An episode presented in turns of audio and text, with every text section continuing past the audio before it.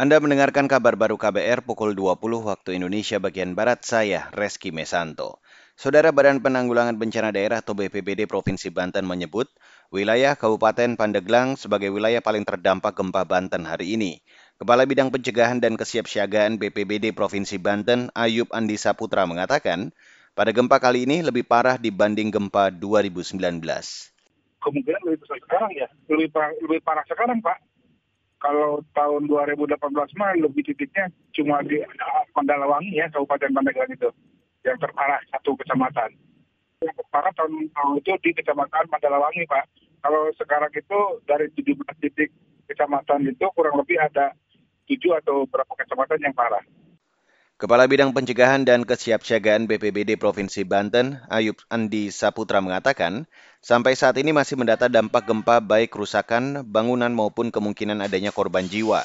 Gempa di Provinsi Banten sore tadi berkekuatan 6,6 magnitud di Laut Selatan, Kabupaten Pandeglang. Informasi sementara ada sekitar 40 unit rumah rusak karena gempa.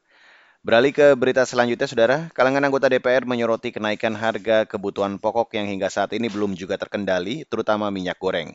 Anggota Komisi Bidang Perdagangan DPR, Nevi Zuairina, menilai kebijakan pemerintah melakukan operasi pasar demi menstabilkan harga minyak goreng di tingkat konsumen hanya efektif sesaat saja, tanpa upaya pengendalian secara menyeluruh kita melihatnya bukan operasi pasar sebetulnya, ialah lebih kepada tata niaga perdagangan, kesiapan daripada gudang-gudang menampung pasokan ya dan juga kesiapan daripada pendataan ya ketika lagi hari hari besar Saudara itu tadi anggota Komisi Perdagangan DPR RI dari fraksi PKS, Nevi Zuairina.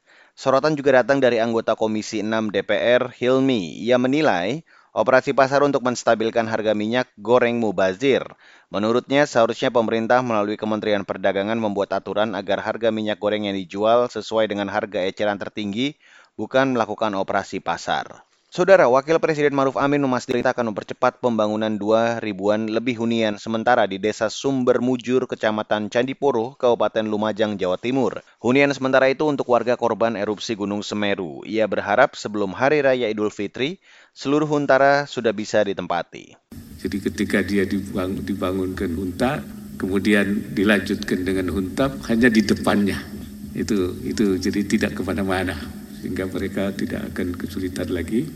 Dan Huntar ini sudah sekarang akan dibangun lebih cepat dan diharapkan sudah uh, Lebaran nanti sudah mereka menghuni Huntar, kemudian juga dilanjutkan dengan Huntap.